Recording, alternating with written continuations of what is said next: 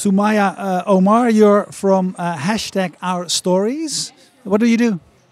So at Hash- I'm co-founder of Hashtag Our Stories, and we are a global news network, and we train communities how to tell stories using their mobile phones, and we create shows out of those stories. We do social mobile video created by citizens and curated by journalists. When we go uh, uh, back to, to the beginning of this, uh, where did your idea come from, and why did you find it important to put all your time and effort in it? I mean, there was a lot of things that happened that made us start hashtag our stories, but the biggest one was that we found that traditional media were missing some of the biggest stories of our time. Whether we look at Brexit, whether we look at Trump, we found that the traditional media were looking at polls and pundits and they weren't looking and, and they weren't listening to real people on the ground. Um, and we saw the benefit in doing really hyper local stories, in empowering people, not for us to be the voice of the voiceless, but for them to have an amplified voice, to turn offline relationships into online relationships. And then you see that potential, and of course I agree with it. But going from potential to a reality, uh, that, that is a, a, a well, a long can be a long road as well. So, uh, how and where did you start? So hashtag Our Stories started with a 40 country tour that Yusuf and I did in four months. And in those four months, we visited those countries and we identified communities who were largely underrepresented and underserved. And for us, this was a passion that we always had. And we didn't necessarily think that it would turn into a business or into this company that we have today. But we went to these 40 countries and we empowered these people. And we really started to see what could happen if people knew how to use this atomic agent of change that we have in our pockets all the time. Um, so we began to see exactly how this would work. I mean, Yusuf told us a story in his speech about, um, and this was during his time at the Hindustan Times, where it really clicked for him was that he was doing, he went and trained this group of waste pickers, of gar- garbage collectors in India. And he trained them how to use Instagram stories. And for the longest of time, he heard nothing. He, and he assumed that the training had failed. Um, only when the Indian government decided to raise the GST taxes, the goods and services taxes on recyclable goods, did these people start to go to Instagram stories and speak their, their, their truth and, and, and tell the world exactly how they were feeling. And with the help of um, advocacy groups and activists and politicians and a whole lot of other people. It wasn't just these videos isolated, but it was the work of all of these people. But the videos allowed these voices to be amplified. The Indian government eventually reduced the GST taxes. And so that's when it really clicked as to what the impact could be, the social impact um, of allowing people and of giving people a platform um, to be able to tell their stories. So you said we were we in those 40 countries we looked for underrepresented uh, communities. So um, so so can can you give some more example? What was when is some when when is something a community or what what do they have in common in Yeah. those cases? A community can be anything. I mean, for example, we did um, refugee communities in Serbia. We did human trafficking survivors in Abu Dhabi. Uh, another community was waste pickers. Another community was sexual abuse survivors. So it's just people that uh, that we don't hear from. Another community could be women who cover their faces. Um, so it's just it's it's people who are spoken about, but not necessarily spoken to. And those are the types of people that we want to do stories on, and and those are the type of communities um, that we feel need to um, ha- have their voices amplified. So you, you don't look for skateboarders uh, in Amsterdam. Yes, of course, it could be that. It could be skateboarders in Amsterdam. It could be anything. And any anyone could form a community, or anyone could be part of any community. So um, we're not. Uh, we don't discriminate against certain types of communities. We want to hear from everyone. Yeah. Yeah. And um, so so you said we so we we train them. So do you do you then spend uh, an afternoon with them and telling what works and what doesn't work? How does the training? Uh, what does the training look like? So we go uh, we go to these communities and we'll spend a day or two or more time if we have the time, and we teach them a number of things. The first thing is we teach them media literacy. We teach them about fact checking and how to identify fake news. We teach them about how to shoot with their phones, how to uh, um, create videos, how to edit, and most importantly, we teach them how to make it travel on the internet. We teach them the things that they can do, the technical skills that they can use to make their videos. I, I don't want to say go viral, but reach as many people as possible. So, things like using hashtags, etc.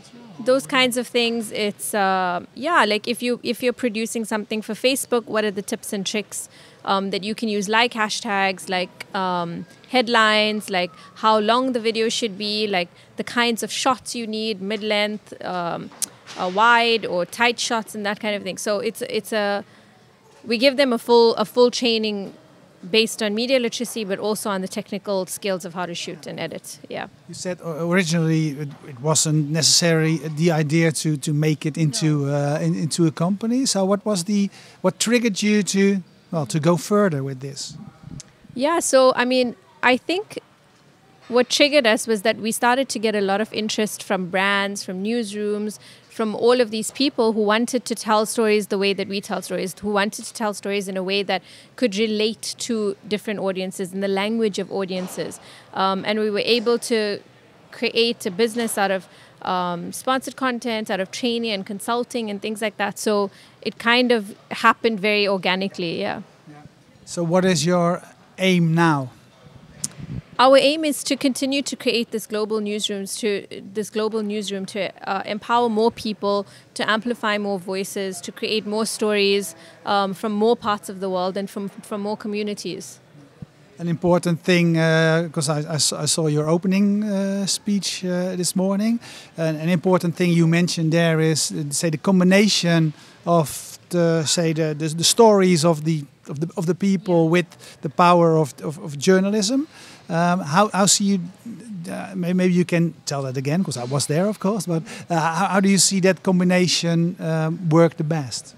Yeah, I think that there's this fear from from journalists or from traditional media that because of the democratization of media and social media, that citizen reporters can do the jobs that they can do and so their jobs are kind of or mojos can do what they do so their jobs are becoming obsolete but actually it's the opposite the more voices we have the more noise there is on social media the more uh, we need to sift the fact from the fiction, and that's where the journalist comes in. The journalist comes in in terms of giving con- uh, uh giving context to the story, fact checking it, verifying it.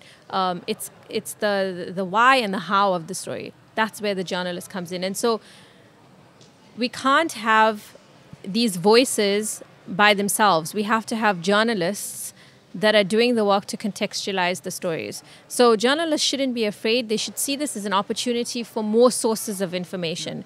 Um, so we definitely need both. It's not an it's not an or. It's not citizen reporters or journalists. It's it's both together that make storytelling more unique and more shareable and more powerful.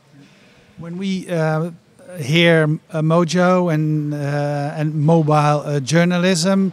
Yeah. We think about the, the mobile phone, but your story is uh, this is only the beginning because it's, it's, not necessarily the case that we that the, the, mobile phone is the most important thing in the future. Can you no. can, can you so, tell us what you see there?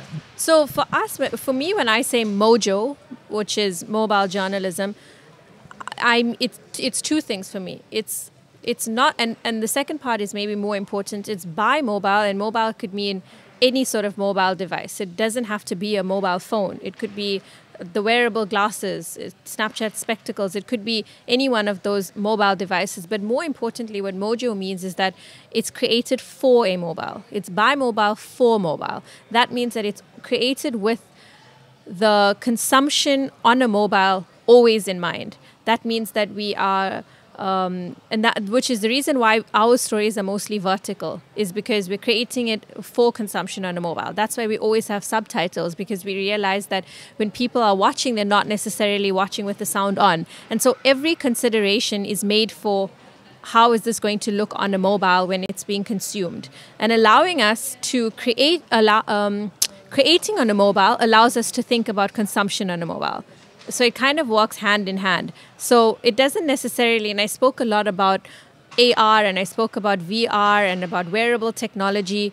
And so for me, the device can change. It doesn't. It's not necessarily pegged to a mobile phone that we know today, um, but it needs to be made for mobile audiences when, when you talk about uh, the subtitles, I find that a really interesting thing because, of course, uh, we all say and we know that video is so important, but thanks to the way uh, Facebook and uh, Instagram show you videos, uh, the written language has become important yeah, exactly. again as well. You have to read it as well. Yeah, yeah, exactly. So, I mean, I think the stats are on Facebook for like a normal video, 80% of your audience are watching with the sound off because they're watching when they're commuting in trains, they're watching, they're secretly watching at work when their bosses are not watching them. Um, on a Facebook Live, for example, it's more like 90% of people are watching with the audio off. And so all of these considerations need to be made when we're creating for a mobile audience. What are the, the biggest hurdles you, you have to take? For mobile journalism? For, no, for your, for, yeah, uh, for, yeah. Um, our biggest challenge is because we are a small team right now, our biggest challenge is scalability. So, how do we scale this beyond um, us or beyond a, kind of a newsroom setting? Um, so, that's one of our biggest challenges, and also working with hundreds of different types of mobile phones. If you go to India, it's mostly an Android market, and you're going to have tons of different types of Chinese phones, of Indian phones, of uh, Apple phones, of um, all of these. And, and so we need to find apps and we need to find tips and tricks that work across all of these uh, very fragmented kind of uh, uh mobile devices. So that's also a challenge. Um, but yeah, we see more opportunity than we see challenges right now. Yeah, okay. yeah. So, what are your biggest opportunities? Um, the opportunity to tell stories from really hard to reach places, the opportunity to tell really unique stories that are not bubbling to the top of people's timelines because everybody's fishing in the same social ponds for uh, to discover news and to discover the types of stories that they're telling. So the opportunity to tell, yeah, to tell stories really hyper local. Um, and also, I mean, a big part of what hashtag our stories is is that we tell constructive stories. We find here we, we we don't just speak about the issues, but we say here's an issue and here's someone trying to make it better, or here's how we can take that conversation forward in a constructive manner. So it's also about finding local solutions to global problems and making that connection between people. Um, also, the types of stories we tell um, is really about busting myths and stereotypes, checking people's prejudice, um, and about creating empathy and creating showing people similarities between themselves instead of differences. And it's if you if you look at a refugee, for example, um, there's a certain thing that we think about when we when we think of a refugee, and it's about changing that stereotype, and it's about saying, hey, this 18-year-old boy in in a Serbian refugee camp from Afghanistan he also likes Game of Thrones and he also wears like Nike sneakers or, you know, and he's more similar to you and he has dreams and ambitions and things like that, exactly like an 18 year old in, in the Netherlands, you know, and it's about creating that or showing that those similarities as opposed to the polarizations. What is the uh, story um, you've seen or you've published uh, uh, with hashtag our story that you're that's or surprised you most or you're most the most proud of, or is a story that wouldn't have been heard otherwise? My favorite story that we've done is um, a story from Bhatkal in India. It's a small town in India, and it was a story of these young girls in niqab with their faces covered. And really, we, we don't really hear the story told from their perspective. We usually hear um, someone from the right wing saying why it's not good for people to cover their faces. Here's uh, someone with niqab um, one Somali lady saying, "Hey, this is why I think it's fine. I, I want to wear the niqab." We really like really hear the voices of these of these women, of these young girls, and and again, I come back to this point of creating similarity, not creating similarities, but showing similarities as opposed to differences. Um, and I think that piece really did that. Um, yeah, it's on Facebook. You guys, you guys can check it out. It's hashtag our stories. Yeah. Thank you very much and uh, success with your uh, great uh, project. Jullie bedankt voor het kijken. We zijn hier nog niet weg tot een uur of vijf, half zes. Uh, interviewgasten van het Mojo Conference. En daarna komt alles on demand online. Tot later.